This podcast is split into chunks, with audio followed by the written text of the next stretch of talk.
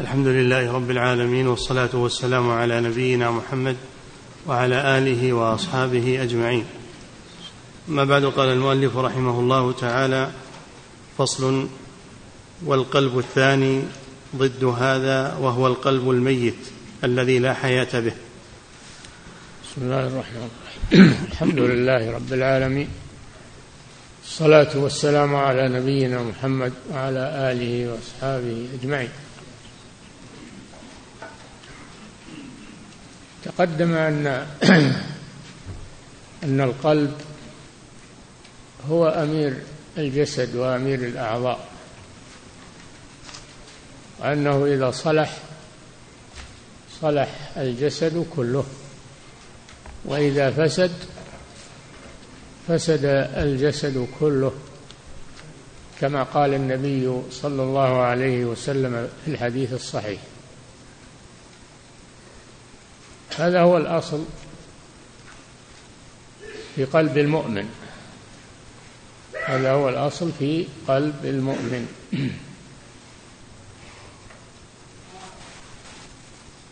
وأما قلب الكافر والمشرك والملحد فهو قلب ميت.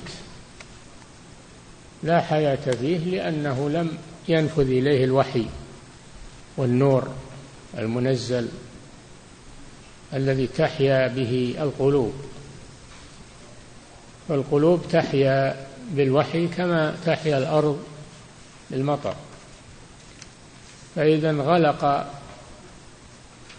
وصول الوحي إلى القلب مات وأظلم كما يأتي. أصبح قلبا مظلما منكوسا. هذا قلب الكافر. وقلب المؤمن أيضا قد يكون كامل الحياة. قد يكون كامل الحياة. ليس به مرض. قد يكون فيه مرض. وهذا المرض ينقسم إلى قسمين. مرض النفاق والعياذ بالله في قلوبهم مرض فزادهم الله مرضا. هذا مرض الكفر ومرض النفاق. مرض المعاصي وهذا قد يحصل للمؤمن. مرض المعاصي والشهوات والشبهات قد تحصل لقلب المؤمن.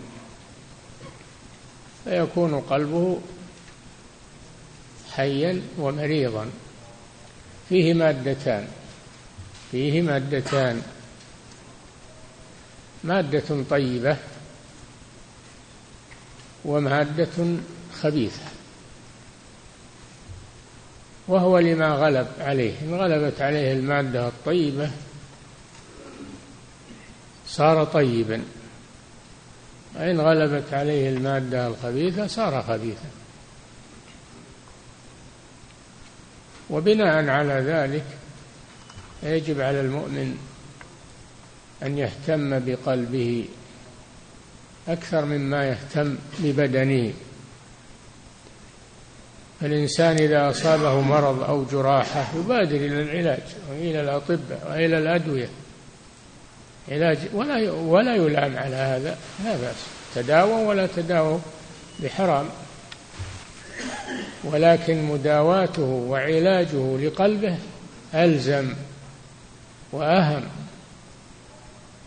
يعالج قلبه إذا وجد منه قسوة وجد منه تعلق بالشهوات. إذا هذا مرض يجب أن يعالجه ويبادر بعلاجه قبل أن يستفحل. فإن الله جل وعلا قال كلا بل ران على قلوبهم ما كانوا يكسبون. المعاصي تتزايد حتى يختم على قلب صاحبها بالران وهو غلاف يمنع وصول النور إليها. إذا أهمل قلبه ختم عليه بالران. غلف فلا يصل إليه نور ولا هداية. فيجب على المؤمن أن يهتم بقلبه. غاية الاهتمام ولا يغفل عنه ولا يعرضه لما يؤثر عليه من المشاهد السيئة والمرائي السيئة. أو يأكل من الحرام فإن أكل الحرام يقسي القلب ويمنع قبول الدعاء. وكذلك لبس الحرام الملابس المحرمة والمغصوبة أيضا هذه تمنع الدعاء. المشرب الحرام شرب المسكرات مخدرات هذه أيضا تؤثر على القلب. تأثيرا سيئا. سماع الأغاني والمزامير وآلات الله هذه تؤثر على القلب. سماع القرآن سماع الذكر سماع المواعظ هذا يؤثر على القلب تأثيرا طيبا. فالقلب معرض معرض لهذا أو هذا. والدنيا مملوءة لا سيما في آخر الزمان. تمتلئ الدنيا بالمغريات وبالفتن وبالصوارف. فعلى المسلم أن يهتم بقلبه غاية الاهتمام. نعم. والقلب الثاني ضد هذا وهو القلب الميت الذي لا حياة به فهو لا يعرف ربه ولا يعبده بأمره وما يحبه ويرضاه بل هو واقف مع شهواته ولذاته ولو كان فيها سخط ربه وغضبه. ولقد ذرأنا لجهنم كثيرا من الجن والإنس لهم قلوب وبدأ بالقلوب لهم قلوب لا يفقهون بها. ولهم آذان لا يسمعون بها. ولهم أعين لا يبصرون بها. وهذول كثير ما هو, ما هو قليل. كثير من الجن والإنس. فعلى المسلم أنه يحذر أن يكون من هؤلاء يكون من هذا الكثير. يحرص أن يكون من القليل. نعم. بل هو واقف مع شهواته ولذاته ولو كان فيها سخط ربه وغضبه فهو لا يبالي إذا فاز بشهوته وحظه رضي ربه أم سخط. نعم همه أن يحصل على مطلوبه ولو كان شهوة محرمة هذا همه. ولو كان في ذلك مرض قلبه وسخط ربه عز وجل. نعم. وهذا حال كثير من الناس. كثير من الناس كذلك. أما المؤمنون فهم كما وصفهم الله. الذين آمنوا وتطمئن قلوبهم بذكر الله. ألا بذكر الله تطمئن القلوب. الذين آمنوا وعملوا الصالحات طوبى لهم وحسن مآب. الله بين لنا طريق الصحيح من طريق الهلاك وبقي الاختيار لنا أي الطريقين تختار أنت ونفسك اختيارك. والله جل وعلا يعاملك بحسب ما تختار لنفسك. فأما من أعطى واتقى وصدق بالحسنى فسنيسره لليسر أنت السبب في هذا.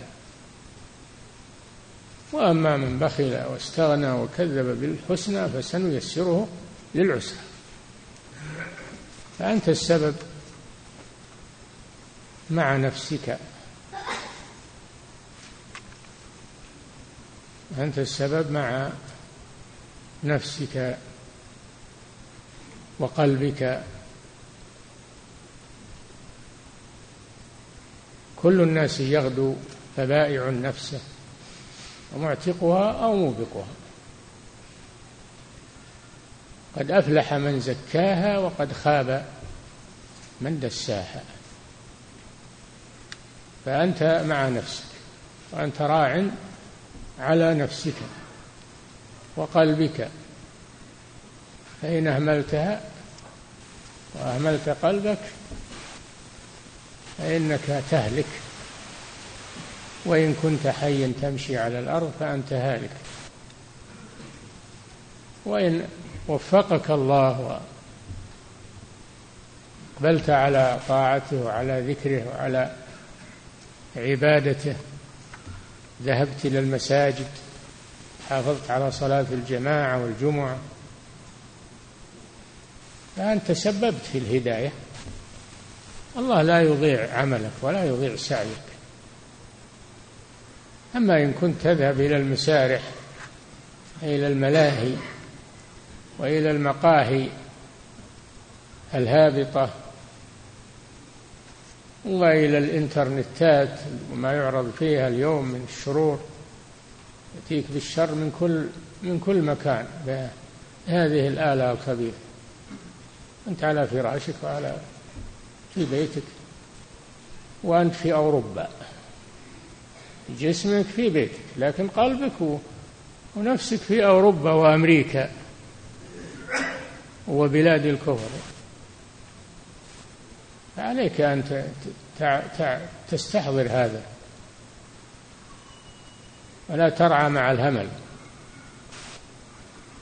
الفتن كثيرة الآن ومتنوعة وميسرة. تصل إليك بأسهل طريق. أول الناس يسافرون يروحون للإباحية ويروحون لل الحين تجيهم الأمور وهم على فرشهم. تجيهم الأمور وهم على فرشهم والعياذ بالله. يشاهدون التعري يشاهدون البغى يشاهدون الخمور يشاهدون كل شر وهم على فرشهم. ويأثمون بهذا بهذه المشاهد ومتابعتها. يقول أنا قصدي الاطلاع. اطلاع تطلع على الشر لا تطلع على هذه الأمور هذه العورات هذا البلاء. نعم. فهو لا يبالي إذا فاز بشهوته وحظه رضي ربه أم سخط. نعم. فهو متعبد فهو متعبد لغير الله. تعبد. فهو متعبد لغير الله. نعم هذا عبد الشهوة عبد شهوته عبد الخميصة عبد الخميلة. كما وصفه الرسول صلى الله عليه وسلم عبد الدرهم عبد الدينار عبد الهوى عبد هواه عبد زوجته وبنته. إذا أطاعهم في معصية الله صار عبدا لهم. صار عبدا لهم. يلتمس رضاهم. ومن التمس رضا الناس بسخط الله سخط الله عليه وأسخط عليه الناس. فأنت عبد على كل حال. إما أن تكون عبدا لله مخلصا إنه من عبادنا المخلصين وإما أن تكون عبدا للشيطان وأتباعه وجنوده والشهوات. أنت عبد على كل حال. فانظر من أنت عبد له. انظر من أنت عبد له. يقولون الناس الحرية والح... ما في حرية الآن في بهيمية. غاية العبودية والذل ما في حرية. الحرية في عبادة الله جل وعلا. هذه الحرية. الحرية في التزام الشرع. والتزام الحلال والحرام وتجنب الحرام. هذه الحرية. هذا يعتقك من حرية الشهوات ومن حرية الشيطان من عبودية الشيطان. عبودية الهوى. هذا اللي يجعلك حرا. وإلا أنت عبد مهما كنت. الله خلقك عبدا. الله خلقك عبدا. ما خلقك إلها ولا ربا. خلقك عبدا. شئت أم أبيت؟ فانظر إلى من تكون عبدا له. نعم. فهو متعبد لغير الله.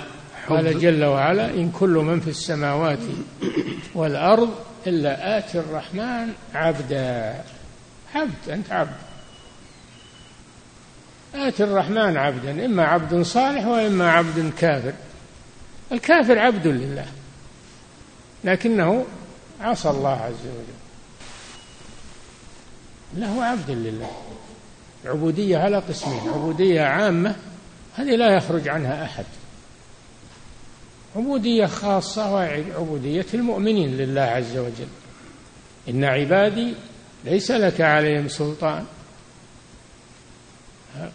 إنه من عباد كذلك لنصرف عنه السوء والفحشاء.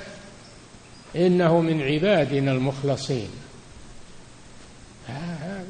فأنت عبد على كل حال لكن انظر في أي ركاب تسير في عبودية الله أو في عبودية غيره.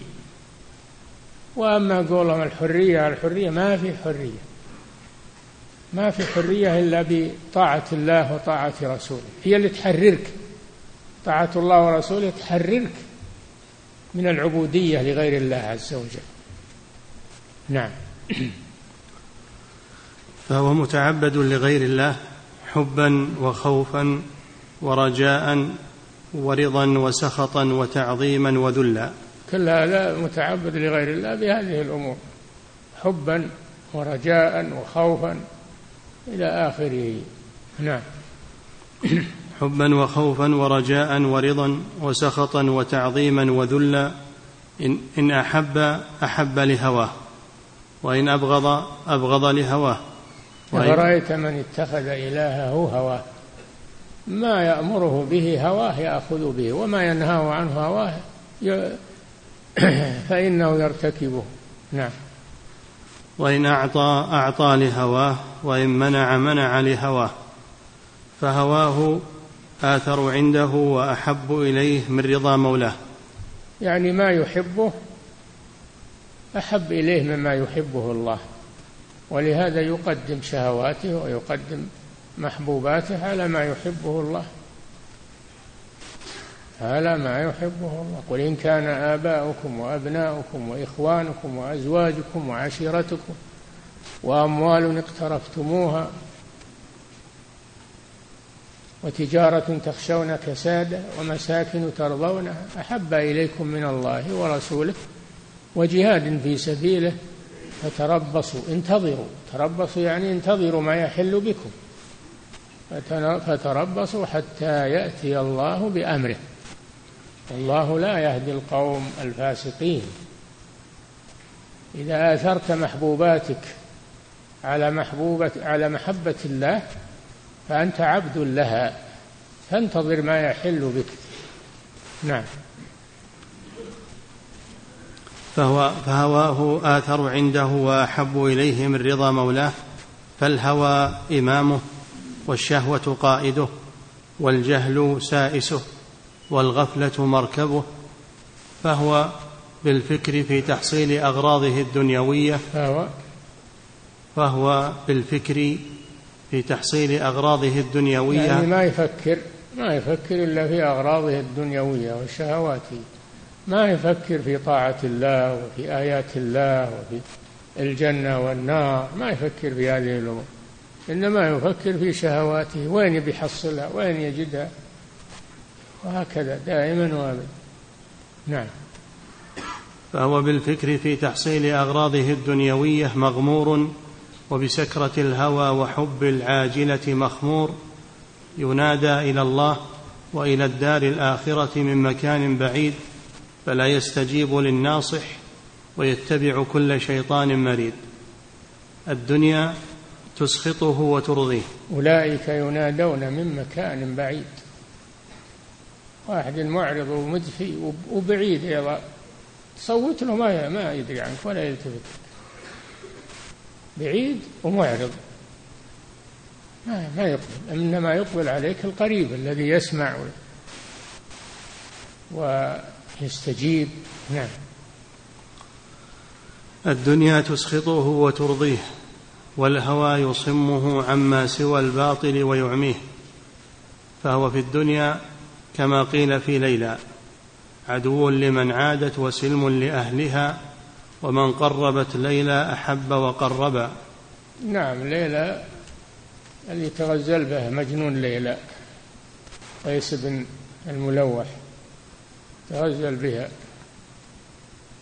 دائما وابدا. ودائما يقول اللي ترضاه ليلى أنا أرضاه. وما أنا إلا من غزية إن غوت غويت. وإن ترشد غزية أرشد.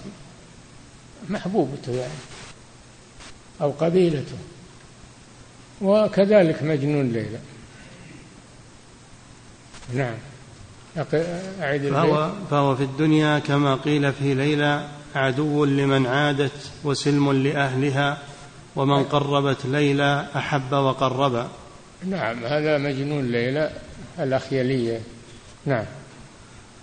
فمخالطة صاحب فمخالطة صاحب هذا القلب سقم ومعاشرته سم ومجالسته هلاك. يعني تتأثر به.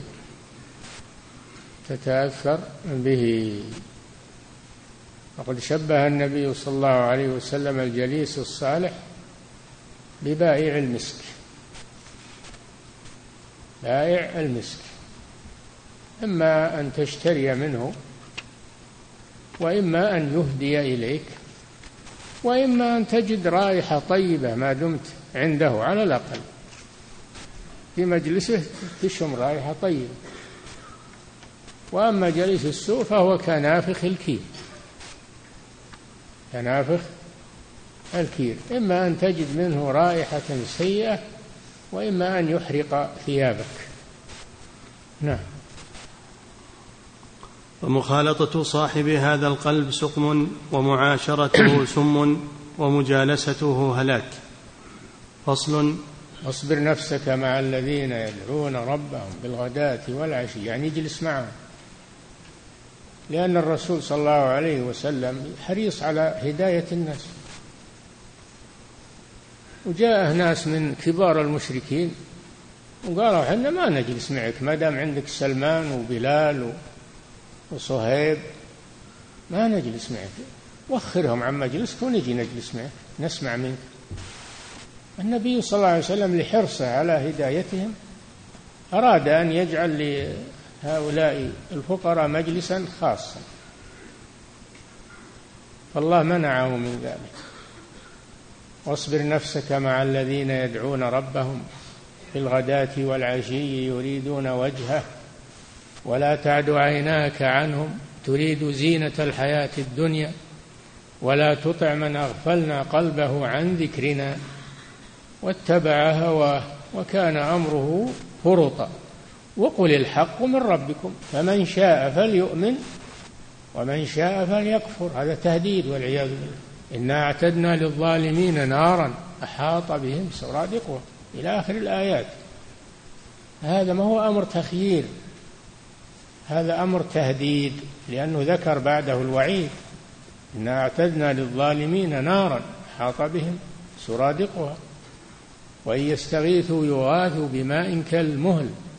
يشوي الوجوه بئس الشراب وساءت مرتفق ثم قال إن الذين آمنوا وعملوا الصالحات إنا لا نضيع أجر من أحسن عملا. أولئك لهم جنات عدن تجري من تحتهم الأنهار يحلون فيها من أساور من ذهب ويلبسون ثيابا خضرا من سندس واستبرق متكئين فيها على الأرائك. نعم الثواب وحسنت مرتفقا. أي هؤلاء وهؤلاء؟ لكن قوله واصبر نفسك يدل على أن هذا يحتاج إلى صبر. صبر تجلس مع الفقراء مع المساكين مع المستضعفين. يحتاج إلى صبر. نعم. فصل. والقلب الثالث قلب له حياة وبه علة. هذا المريض نعم. قلب له حياة وبه علة فله مادتان. تمده هذه مرة وهذه أخرى. يعني المادة الطيبة تمده في في حين. المادة الخبيثة تمده في حين آخر. فمن غلب عليه منهما فهو تبع له. نعم. وهو لما غلب عليه منهما. ففيه من محبة الله تعالى والإيمان به والإخلاص له والتوكل عليه ما هو مادة حياته. نعم. وفيه من محبة الشهوات وإيثارها والحرص على تحصيلها والحسد والكبر والعجب وحب العلو في الأرض بالرياسة ما هو مادة هلاكه وعطبه. ما هو؟ ما هو مادة هلاكه وعطبه. نعم. وهو ممتحن بين داعيين. داع يدعوه إلى الله ورسوله والدار الآخرة وداع يدعوه إلى العاجلة وهو إنما يجيب أقربهما منه بابا وأدناهما إليه جوارا. عنده ملك وعنده شيطان. الملك يدعوه إلى الجنة وإلى ولا الشيطان يدعوه إلى النار وإلى الشهوات. فهو لمن غلب من الداعيين؟ هذا مثال المؤمن العاصي. نعم. فالقلب الأول حي مخبت لين واع. القلوب ثلاثة قلب حي وقلب ميت وقلب مريض. هذه أقسام القلوب. حي ميت مريض بينهما. نعم. فالقلب الأول حي الذي هو قلب الحي القلب الحي. نعم. فالقلب الأول حي مخبت لين واع والثاني يابس ميت. نعم. يابس ميت. ما في ما في فائدة. نعم. والثالث طبع الله على قلبه ختم على قلبه ران على قلبه كسبه الخبيث. نعم. والثالث مريض. فهو المريض بين بين نعم.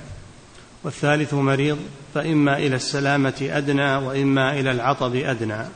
نعم. وقد جمع الله سبحانه وتعالى بين هذه القلوب الثلاثة في قوله وما أرسلنا من قبلك من رسول ولا نبي إلا إذا تمنى ألقى الشيطان في أمنيته فينسخ الله ما يلقي الشيطان ثم يحكم الله آياته والله عليم حكيم. ليجعل ما يلقي الشيطان فتنة للذين في قلوبهم مرض والقاسية قلوبهم وإن الظالمين لفي شقاق بعيد. وليعلم الذين أوتوا العلم إن أنه الحق من ربك فيؤمنوا به فتخبت له قلوبهم وإن الله لهادي الذين آمنوا إلى صراط مستقيم. ولا يزال الذين كفروا في مرية منه. حتى تأتيهم الساعة أو يأتيهم عذاب يوم عقيم. فهذه الآية أو هذه الآيات فيها أن كل رسول وكل نبي يدعو إلى الخير ويدعو عباد الله إلى الصلاح والفلاح والجنة. وأن هناك الشيطان يدعو إلى النار. يدعو إلى النار ويدعو إلى الشهوات وإلى المحرمات. ولله الحكمة في ذلك. الله قادر على أن يهلك الشيطان وأن يبعده وأن لا يجعل في الدنيا إلا الرسل والأنبياء لكنه يبتلي العباد. جعل دعاة السوء ودعاة الحق وجعل الشياطين والملائكة والرسل ليبتلي العباد من من تكون معه؟ تكون مع أهل الحق أو تكون مع أهل الباطل. ليجعل ما يلقي الشيطان فتنة للذين في قلوبهم مرض والقاسية قلوبهم. هذه الحكمة.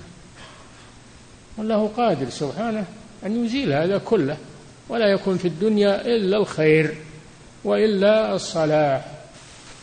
لكنه يبتلي العباد بالخير والشر ونبلوكم بالشر والخير فتنة.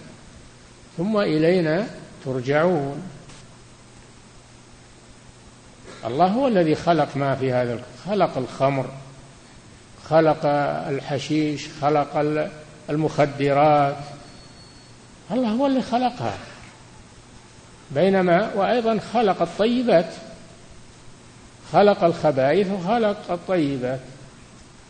كلها خلق الله جل وعلا. الحكمة ليبتلي الله بها العباد.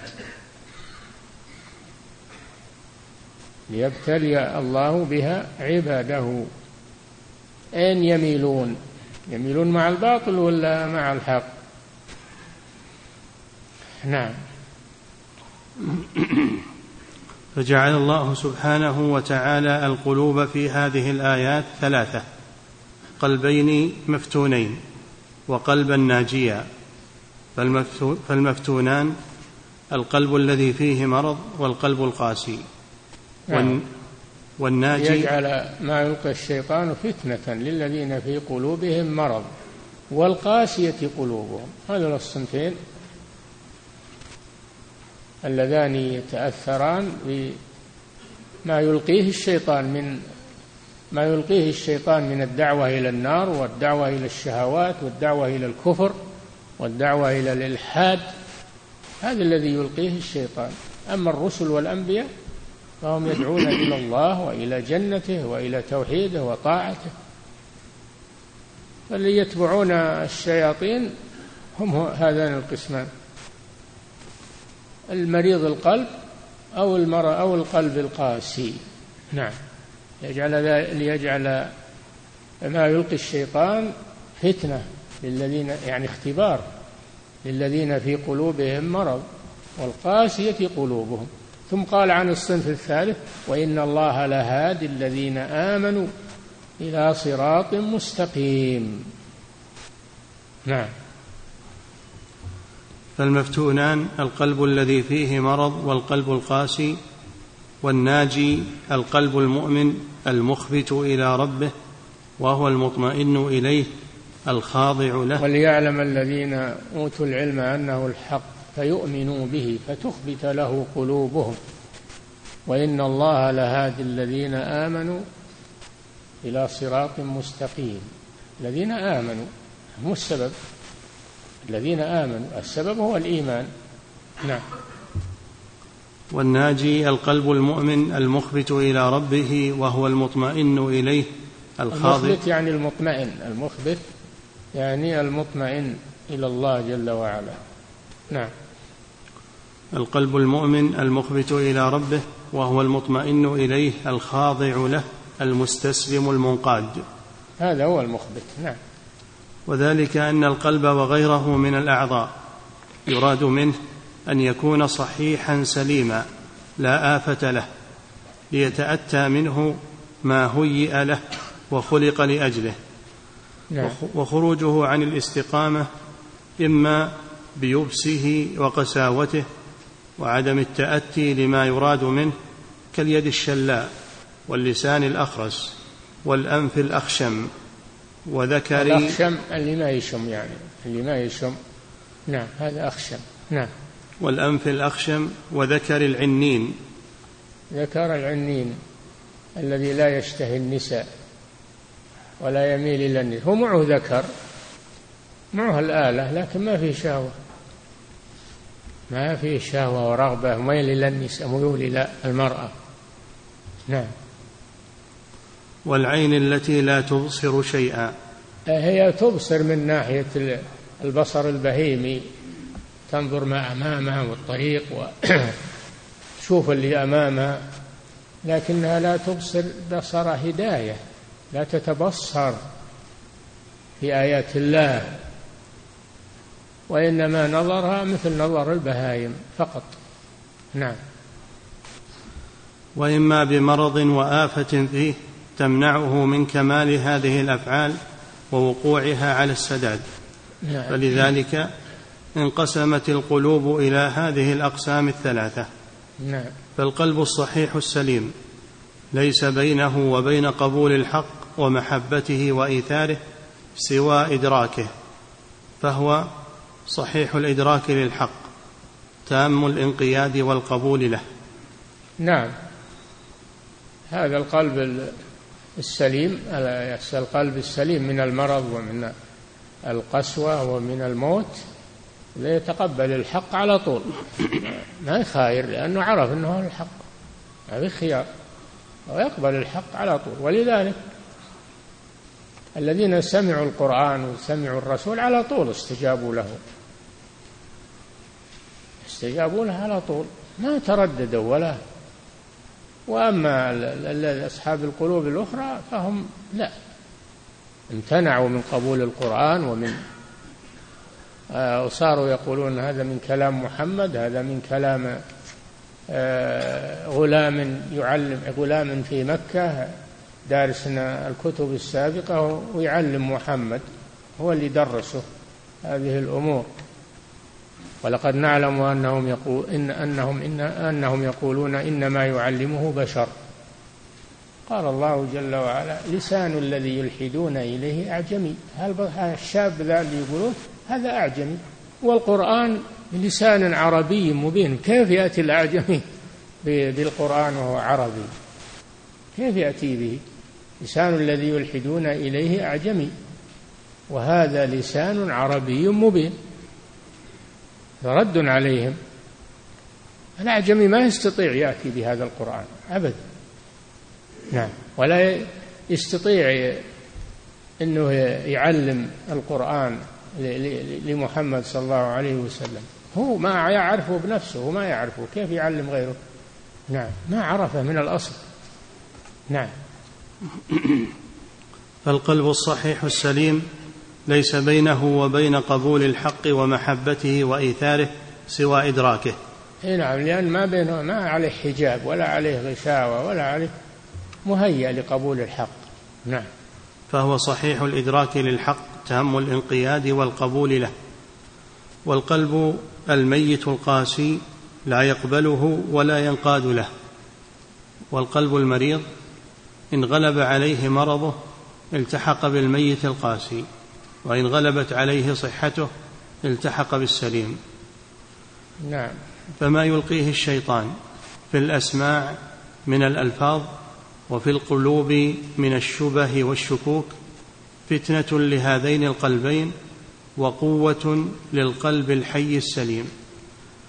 نعم ما يلقيه الشيطان هو سبب لهلاك من هلك ومرض من مرض وهو أيضا سبب لهداية من اهتدى.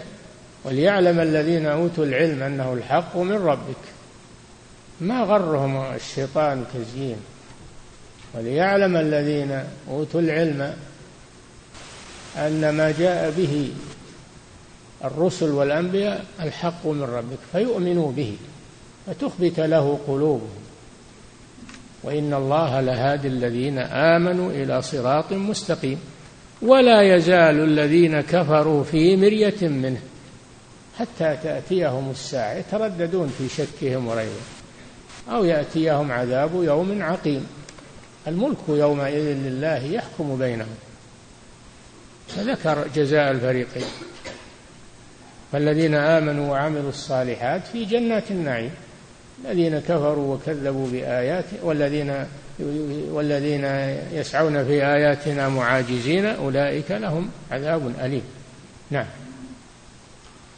فما يلقيه الشيطان في الأسماع من الألفاظ وفي القلوب من الشبه والشكوك فتنة لهذين القلبين وقوة للقلب الحي السليم لأنه يرد ذلك ويكرهه ويبغضه ويعلم ما يقبل ما يلقيه الشيطان ما يقبله أبدا إنما يقبل الوحي.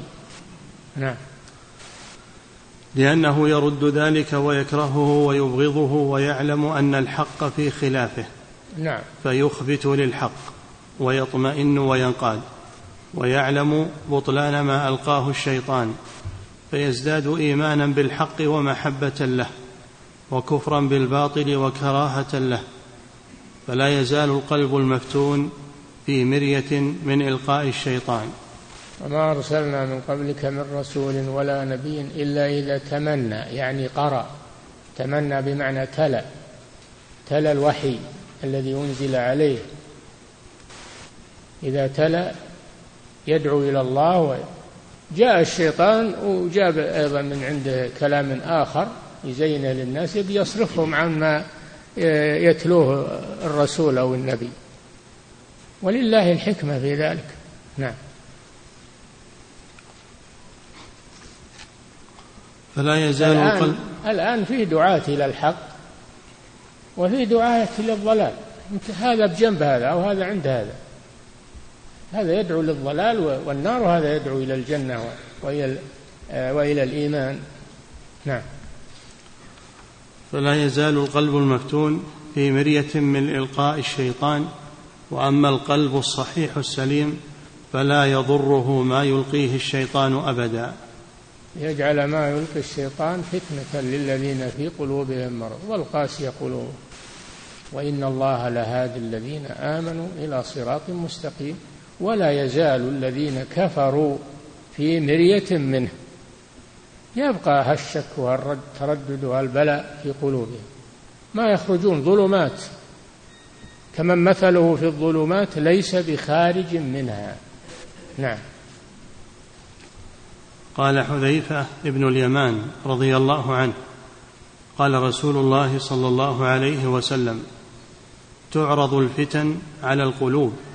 كعرض الحصير عودا عودا.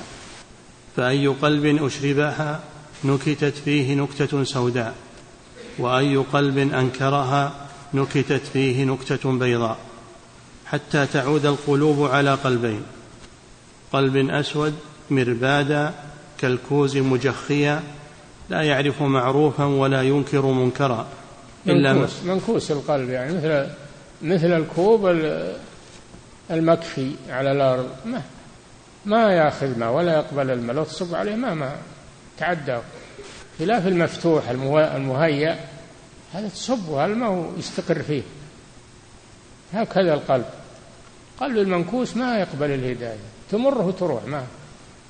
أما القلب المنفتح فهذا يقبل الماء ويستقر فيه وينتفع صاحبه به. نعم. لا يعرف معروفا ولا ينكر منكرا إلا ما أشرب من هواه. إي نعم. لا المنكوس هذا ما يقبل هدى ولا إرشاد ولا يقبل إلا ما يوافق هواه وشهوته. نعم. وقلب أبيض مثل الصفا لا تضره فتنة. نعم. وقلب وقلب أبيض مثل الصفا. نعم. لا تضره فتنة ما دامت السماوات والأرض. هذا القلب الأبيض قلب المؤمن. ما فيه ظلام فيه, فيه نور. لا تضره فتنة لأن الله حماه. ما دامت السماء والأرض.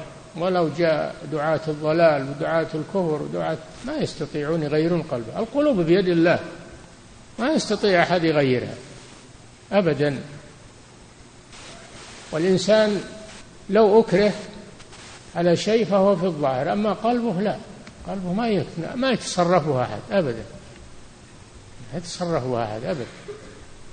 ولهذا لما قال عمار رضي الله عنه الرسول إن المشركين خذوه وضربوه فلم يطلقوه حتى يسب الرسول صلى الله عليه وسلم. فأعطاهم ما يريدون وأطلقوه. جاء إلى النبي صلى الله عليه وسلم خائفا وأخبره بالواقعة قال كيف تجد قلبك؟ قال مطمئن. أجد قلبي مطمئنا. ولهذا أنزل الله جل وعلا من كفر بالله من بعد إيمانه إلا من أكره وقلبه مطمئن بالإيمان. هذه في قصة عمار رضي الله عنه. قال إن عادوا فعد. إن عادوا التعذيب عد لهم أعطهم شيء في الظاهر حتى تسلم. وهذا ما يسمى بالمدارات. إلا أن تتقوا منهم تقاه. هذه مداراة خلاف المداهنة المداهنة والعياذ بالله ما تجوز وهي التنازل عن الحق. أما المداراة تجوز في بعض الأمور للتخلص فقط. نعم. فشبه عرض الفتن على القلوب شيئا فشيئا. الحديث عن قال حذيفة بن اليمان رضي الله عنه قال قال رسول الله صلى الله عليه وسلم تعرض الفتن على القلوب كعرض الحصير عودا عودا. تعرض الفتن على القلوب فتن الشهوات والشبهات تعرض على القلوب ابتلاء وامتحان. نعم. كعرض الحصير عودا عودا فأي قلب أشربها نكتت فيه نكتة سوداء. اللي يحب الشهوات والشبهات يحبها إذا عرضت عليه يحبها هذا تقدم وهذا رقي وحضارة وهذا وهذا ويمدحه ثم تنكت في قلبه نكتة سوداء. هذه النكتة السوداء ما تروح أبدا ما تروح ولا تذهب. نعم. وأي قلب أنكرها نكتت فيه نكتة بيضاء. نعم. حتى, حتى تعود القلوب على قلبين.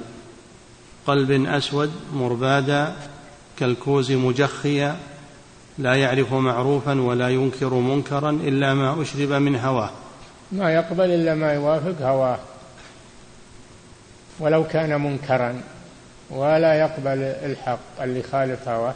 ما يقبل ما يخالف هواه ولو كان حقا. نعم.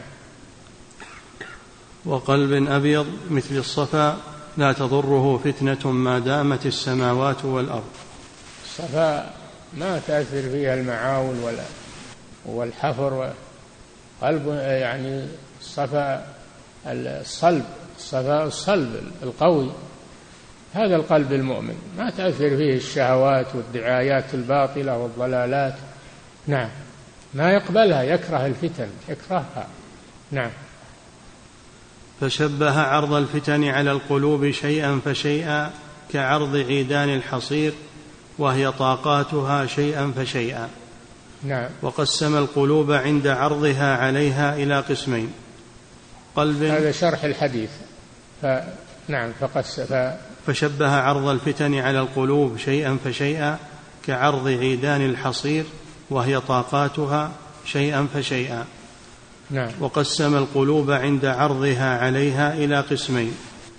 قلب إذا عرضت عليه فتنة أشربها. حبها وقبلها. نعم. كما يشرب السفنج الماء. السفنج نعم. كما يشرب السفنج الماء فتنكت فيه نكتة سوداء. نعم. فلا يزال فلا يزال يشرب كل فتنة أو فلا يزال يشرب كل فتنة تعرض عليه حتى يسود وينتكس. وهو مع الأول نكتة سوداء. مع كثرة الفتن يسود كل القلب صار كله أسود. نعم. حتى يسود وينتكس وهو معنى قوله كالكوز مجخيا أي مكبوبا منكوسا. مجخيا مكبوبا. لو تجيب كوب مكفي على الأرض تصب عليه الماء ما يستقر ولا يمسك ماء مثل القلب المجخي. نعم. وهو معنى قوله كالكوز مجخيا أي مكبوبا منكوسا فإذا اسود وانتكس عرض له من هاتين الآفتين مرضان, خطئ مرضان خطران متراميان إلى الهلاك نعم. أحدهما اشتباه المعروف عليه بالمنكر فلا يعرف معروفا ولا ولا ينكر منكرا وربما استحكم فيه هذا المرض حتى يعتقد المعروف منكرا والمنكر معروفا والسنة بدعة والبدعة سنة والحق باطلا والباطل حقا. يعني حين أهل الضلال يسمون أهل الخير وأهل الدين بالظلاميين إنهم يعيشون في ظلام. ظلام قديم ويريدون أن الناس يعيشون مثل القرون الوسطى كما يقولون. هذا هذا موجود الآن. حتى مع الأسف يكتب في الصحف الآن. ظلاميين. إذا قالوا الظلاميين فهم يريدون أهل الحق. لأن الحق ظلام عندهم. والشرك والكفر والشهوات هذه يعتبرونه تنو استنارة وتنور. هذا هذا مستنير. هذا متنور. هذا إلى آخره. نعم. فإذا اسود وانتكس عرض له من هاتين الآفتين مرضان خطران متراميان إلى الهلاك.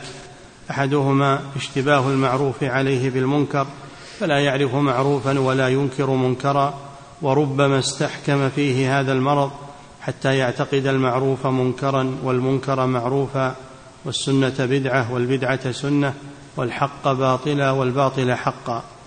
والثاني تحكيمه هواه. على ما جاء به الرسول صلى الله عليه وسلم إلا ما أشرب من هواه إلا ما أشرب من هواه نعم.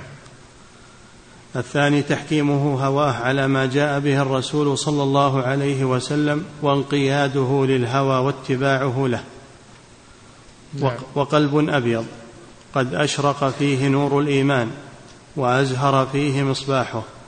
فإذا عرضت عليه الفتنة أنكرها وكرهها فازداد نوره وإشراقه وقوته. والفتن التي تعرض على القلوب. يكفي نقف عند هذا. نعم.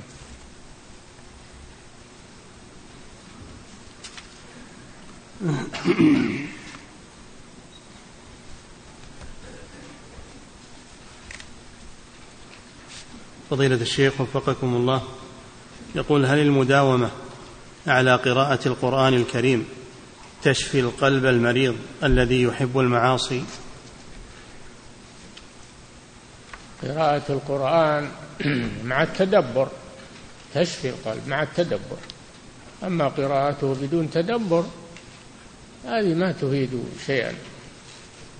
يمر عليك ولا تتأثر به ولا تنتفع منه. نعم. فضيلة الشيخ وفقكم الله. يقول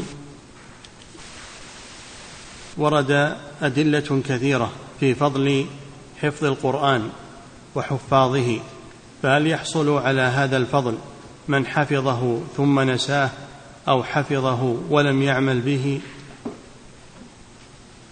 إذا حفظه ولم يعمل به صار حجة عليه. صار حجة عليه عند الله سبحانه وتعالى. كما قال صلى الله عليه وسلم القرآن حجة لك أو عليك.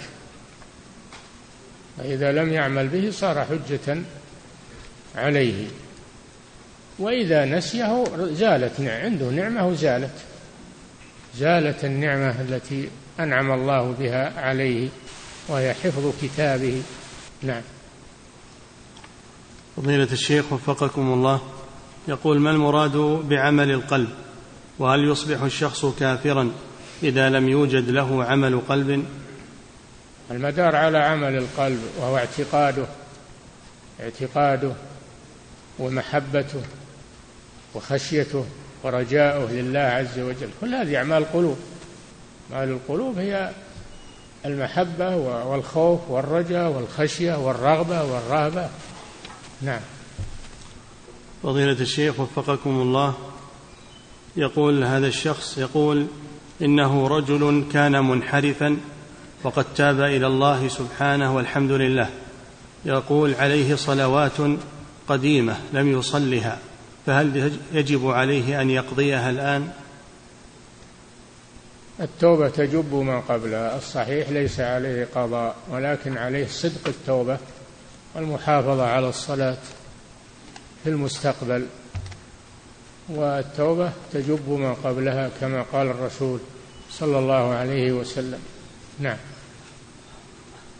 فضيلة الشيخ وفقكم الله يقول يشكل علي حفظكم الله ما أراه في بعض الموالد أو مجالس السماع من بكاء وخشوع وخضوع فكيف تلين قلوب هؤلاء لهذه البدع؟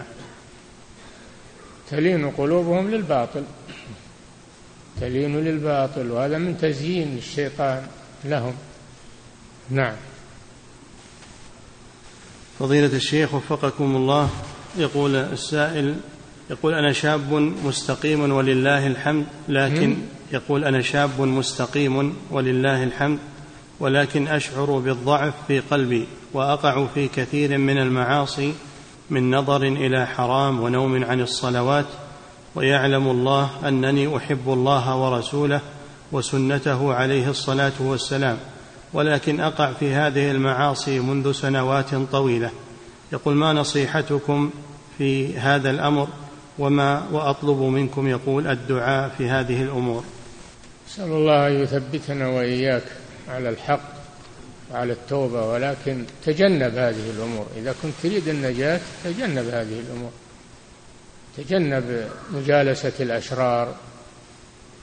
تجنب النظر الحرام. لا تنظر النظر الحرام. غض بصرك. قل للمؤمنين يغضوا من أبصارهم ويحفظوا فروجهم. تجنب المشاهد السيئة في الشاشات أو في ما يعرض وفي الأسواق. تجنب هذه الأمور لا تساهل في النظر. النظر سهم مسموم من سهام من سهام إبليس كما قال الرسول صلى الله عليه وسلم. السهم وين يروح؟ القلب يطعن في قلبك فإذا نظرت رجع السهم على قلبك جرحه. فسهم مسموم من سهام إبليس بعد. ما هو بسهم فقط مسموم أيضا. تجنب النظر ولا تتساهل فيه. النظر إلى ما حرم الله ابتعد عنه. السماع اجتنب سماع ما حرم الله من الأغاني والملاهي والمزامير وتعوض عنها بالقرآن والذكر. الشهوات المحرمه اتركها واقتنع بالطيبات والمباحات التي أباحها الله لك. نعم. فضيلة الشيخ وفقكم الله. يقول ما العمل في من ماتت قلوبهم من أقارب الإنسان؟ هل يجالسهم أو يجب عليه أن يعتزلهم؟ إيش إنهم ماتت قلوبهم؟ ما تدري. لا يعلمه إلا الله ولكن عليك في دعوتهم إلى الله وموعظتهم ونصيحتهم ولا تيأس لا تيأس من هدايتهم. نعم. فضيلة الشيخ وفقكم الله وهذا سائل يقول الصفات التي ذكرها الإمام ابن القيم رحمه الله في صاحب القلب الميت تنطبق على بعض الناس اليوم فهل نحكم عليهم بأنهم كفار وقلبهم ميت علما بأن بعضهم يصلون بعض الفرائض ويترك ويتركون بعضها؟ الحكم لا تحكم عليهم ولكن تخاف عليهم. تخاف عليهم وتنصحهم وتعظهم وتذكرهم تحذرهم من هذه الأمور. نعم. فضيلة الشيخ وفقكم الله. يقول كيف يستقر الإيمان في قلبي؟ وما علامة استقراره في القلب؟ هذا توفيق من الله عز وجل. إذا عملت الأسباب استقر الإيمان في قلبك. إذا ما تجنبت أسباب أسباب الضلال وأسباب الشقاء تجنبتها واقتصرت على أسباب الخير استقر الإيمان في قلبك. فالاستقرار من الله لكن أنت السبب أنت السبب في هذا. نعم. فضيلة الشيخ وفقكم الله أصحاب القلب الميت هم الكفار فهل مخالطتهم ومساكنتهم تمرض القلوب فتكون الهجرة واجبة؟ ما في شك. ولذلك وجبت الهجرة على المستطيع. وجبت الهجرة من بلاد الكفر إلى بلاد الإسلام فرارا بالدين على من يستطيع ذلك. نعم. فضيلة يعني من تجنب مخالطتهم ومساكنتهم والعيش معهم. نعم. فضيلة الشيخ وفقكم الله. يقول هل يؤخذ من كلام ابن القيم رحمه الله بقوله فمخالطة صاحب هذا القلب سقم ومعاشرته سم ومجالسته هلاك. هل يؤخذ منه هجر أهل الأهواء والبدع والمعاصي الكبيرة؟ ما في شك ما في شك يؤخذ منه إنك تبتعد عنهم. الهجر معناه الترك يعني تتركهم تبتعد عنهم ولا تطمئن إليهم. لا في مانع تتعامل معهم بالمباح بالبيع والشراء بتبادل المنافع الدنيوية لا بأس. لكن لا تطمئن إليهم وتألفهم وتجالسهم أبعد عنهم. نعم. فضيلة الشيخ وفقكم الله. يقول القلوب هي قلب القلب السليم والسقيم والميت. هل الكافر يعد قلبه من القلوب السقيمة. إذا هل, أس هل, إيه؟ هل الكافر يعد قلبه من القلوب السقيمة؟ إذا أسلم حيا إيه، هو كان قلبه ميت فلما أسلم حيا قلبه. الله جل وعلا يحيي ويميت. يحيي الأجسام ويميتها ويحيي القلوب ويميتها. نعم. فضيلة الشيخ وفقكم الله. يقول الكافر الذي يؤنبه ضميره على فعله للمعاصي وعنده رغبة أكيدة في الإسلام فهل يعد هذا قلبه ميت أو قلبه مريض؟ من هو؟ الكافر الذي يؤنبه ضميره على فعله للمعاصي وعنده رغبة أكيدة في الإسلام. لو كان عنده رغبة أكيدة في الإسلام أسلم لكن كونه يبقى على الكفر هذا دليل على أن ما عنده رغبة أكيدة نعم. فضيلة الشيخ وفقكم الله يقول الرسول صلى الله عليه وسلم كل ابن, كل ابن آدم خطاء وخير الخطائين التوابون. هل معنى ذلك؟ أنه لا يوجد هناك قلوب سليمة كاملة إلا من عصمهم الله من الأنبياء؟ خطأ في الأعمال في الأعمال ما هو في القلوب. يخطي في الأعمال يرتكب معصية يتناول شهوة محرمة. في الأعمال هذا ما هو في القلوب لا. نعم. فضيلة الشيخ وفقكم الله يقول إذا نكت في قلب المسلم نكتة سوداء سواء كانت عن طريق شبهة أو شهوة فهل تزول هذه النكتة السوداء عن طريق التوبة؟ ذكر في الحديث أنه إذا تاب صقلت صار قلبه أبيض. نعم. فضيلة الشيخ وفقكم الله. يقول ورد في الحديث في حديث حذيفة تعرض الفتن على القلبين. يقول القلب على القلوب ما هو على القلبين على القلوب. نعم. يقول بالنسبة حفظكم الله للقلب المريض هل يكون أسود أم أبيض؟ إذا قبلها صار أسود. نعم. وإذا أنكرها صار أبيض. نعم. فضيلة الشيخ وفقكم الله يقول السائل أنا طالب علم أجتهد في تحصيل العلم حضورا وحفظا وبحثا ويستغرق هذا غالب وقتي. كنت قبل ذلك أجتهد بالعبادة والذكر وقراءة القرآن وأحس في نفسي أنني أقرب إلى الله ومراقبته وأنني منكسر النفس. يقول هل أستمر على طلب العلم والاجتهاد به أم أجمع بين الأمرين أم أرجع إلى العبادة؟ لا يا أخي طلب العلم أفضل من نوافل العبادة. طلب العلم أفضل من نوافل العبادة. فأقبل على طلب العلم وطلب العلم عبادة. طلب العلم عبادة وعمل صالح. فأقبل على طلب العلم فإنه خير ونور لك وإيمان. نعم. فضيلة الشيخ وفقكم الله رجل كان مسافرا خارج البلاد ولديه مبلغ من المال قد وضعه في أحد البنوك ويقوم بإخراج زكاة المال على المبلغ الموجود كل عام. يقول هل الفائدة التي يحصل عليها من البنك على هذا المبلغ المودع فيه هل هي حلال أم حرام؟ إذا كانت ربوية فهي حرام. إذا كان البنك يستثمرها في الربا فالفائدة حرام. وهذا هو الغالب على البنوك أنها تستثمر الأرصدة بالفوائد الربوية. فخذ رأس مالك فقط ولا تأخذ الفائدة التي حصلت من الربا. اتقوا الله وذروا ما بقي من الربا إن كنتم مؤمنين. نعم.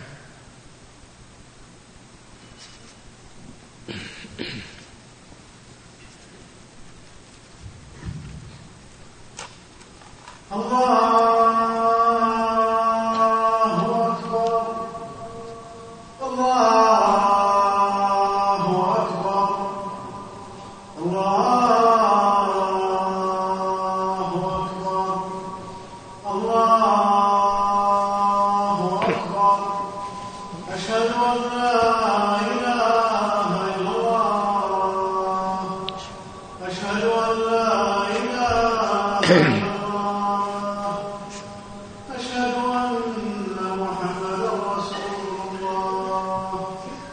أشهد أن محمدا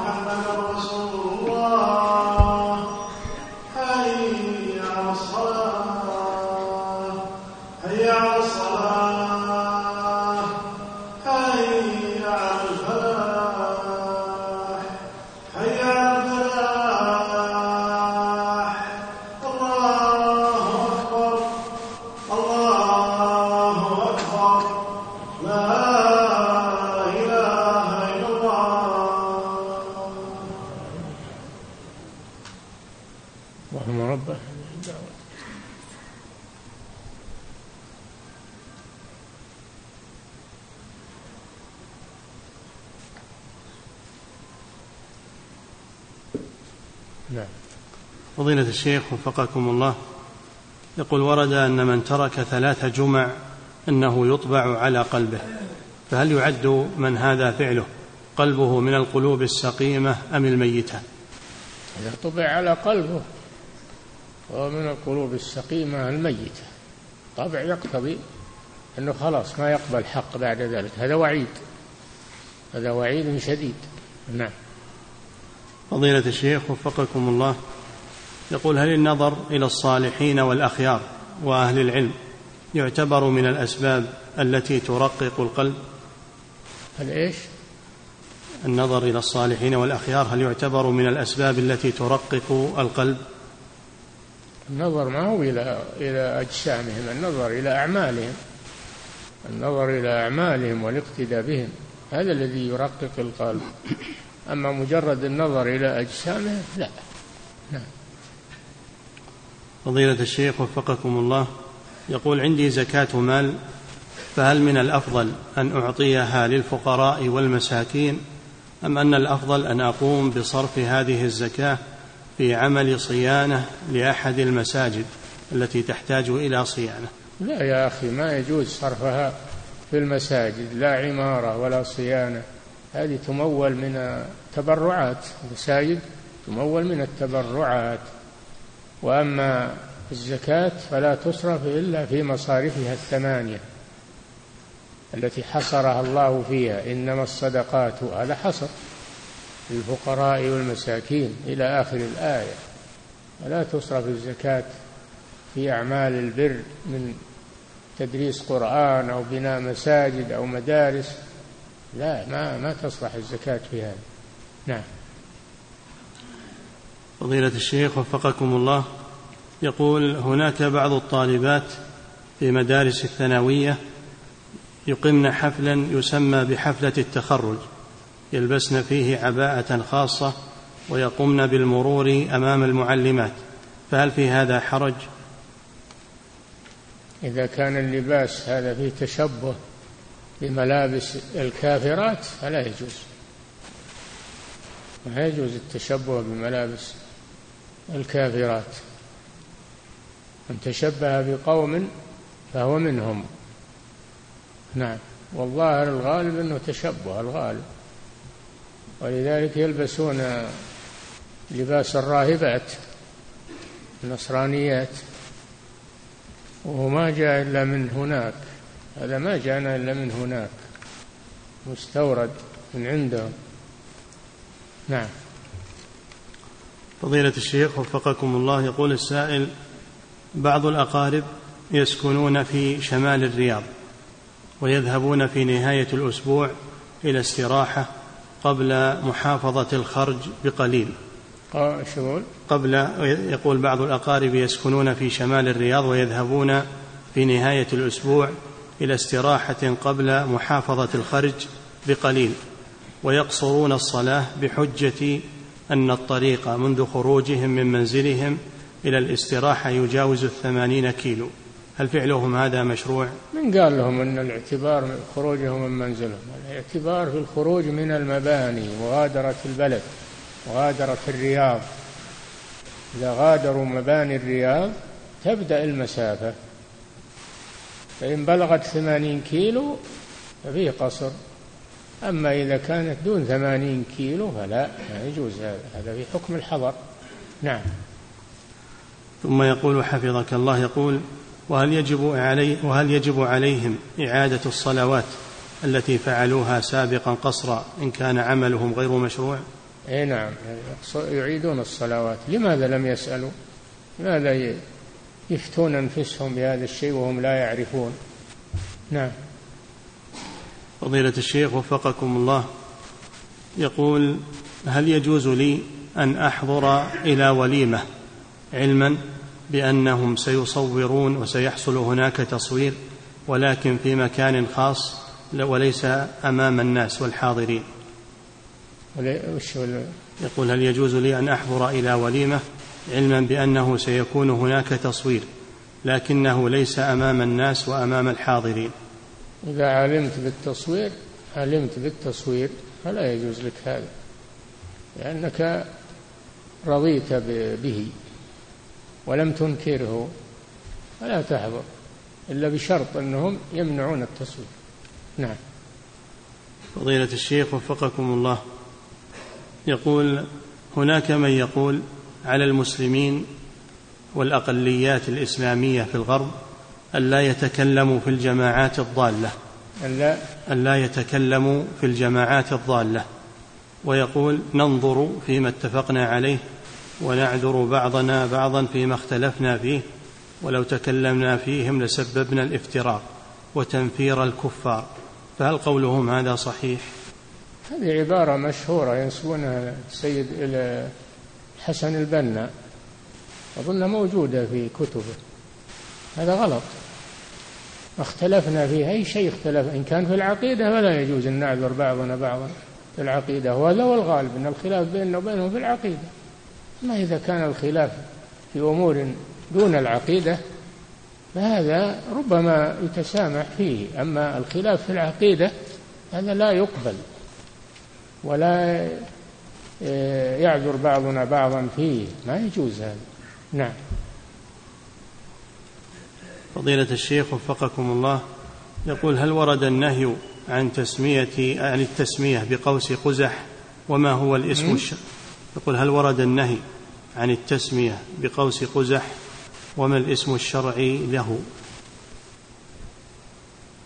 هذا مر أظنه علينا في زاد المعاد. ما أذكر يعني ما قال الشيخ فيه لكن تسميته قوس قزح ما ما له أصل فيما أعلم. لا يسمى لا بهذا ولا بهذا. نعم. فضيلة الشيخ وفقكم الله يقول في طريقي إلى المزرعة توجد مقبرة على الطريق. نعم. يقول في طريقي إلى المزرعة توجد مقبرة على الطريق فهل يجب علي أن أسلم على هؤلاء الأموات كلما مررت من عندهم؟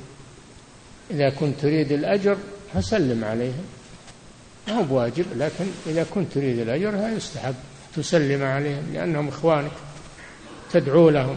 نعم. فضيلة الشيخ وفقكم الله يقول ورد في الحديث من تشبه بقوم فهو منهم. نعم. يقول ما المراد بالتشبه المنهي عنه؟ ما هو من خصائصهم؟ تشبه بهم فيما هو من خصائصهم. أما الأشياء المشتركة بيننا وبينهم هذه ما فيها تشبه لكن الأشياء الخاصة بهم هذه إذا تشبهت بها فقد تشبهت بهم.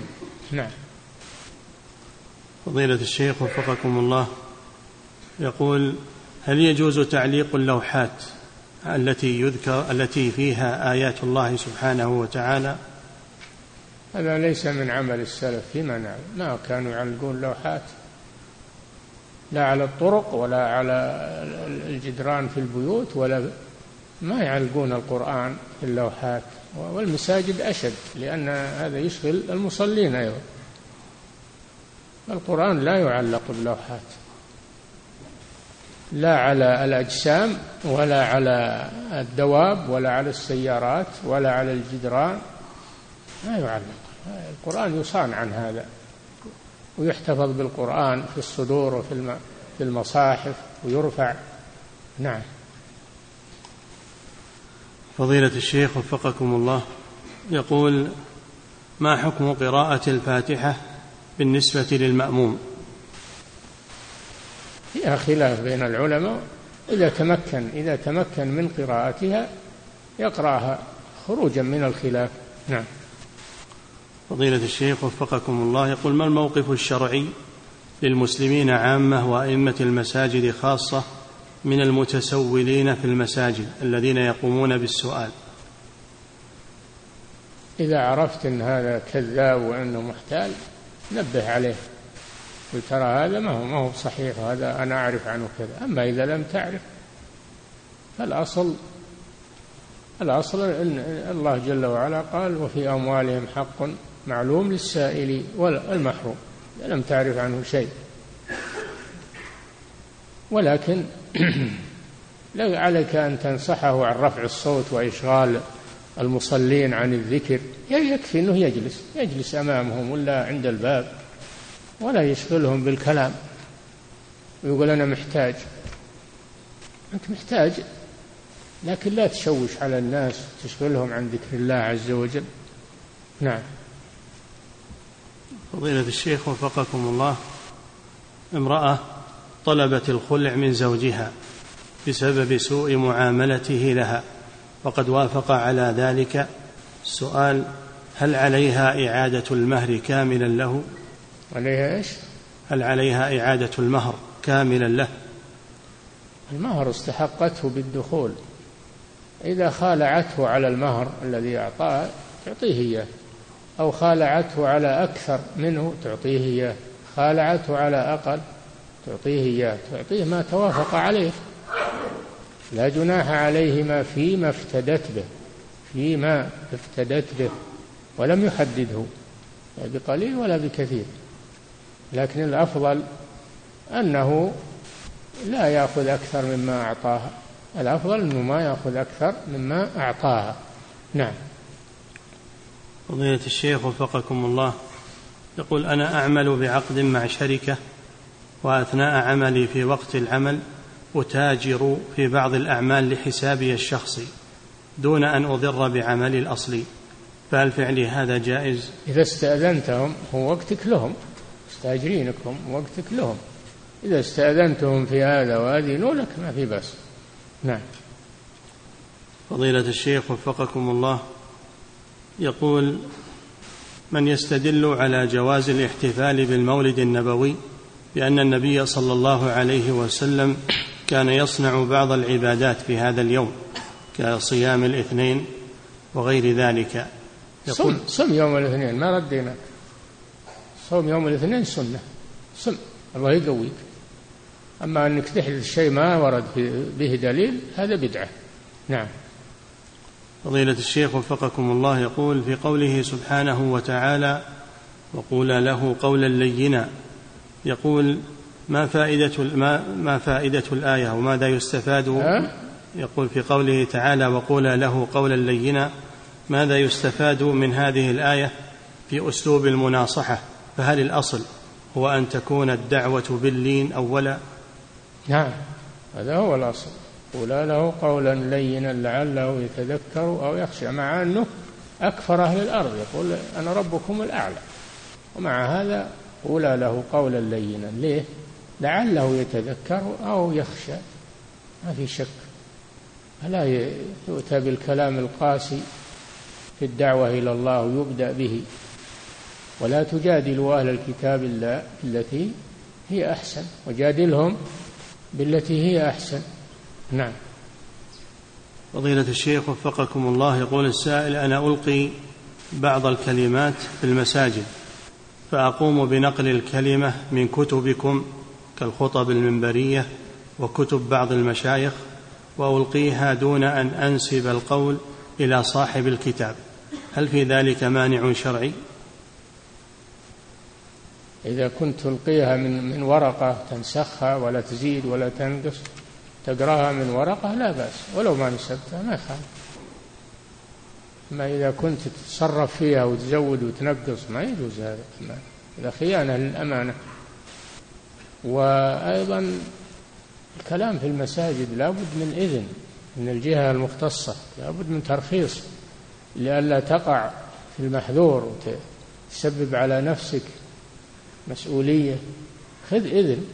إذا كان عندك أهلية خذ إذن علشان يصير معك يصير معك حجة. نعم.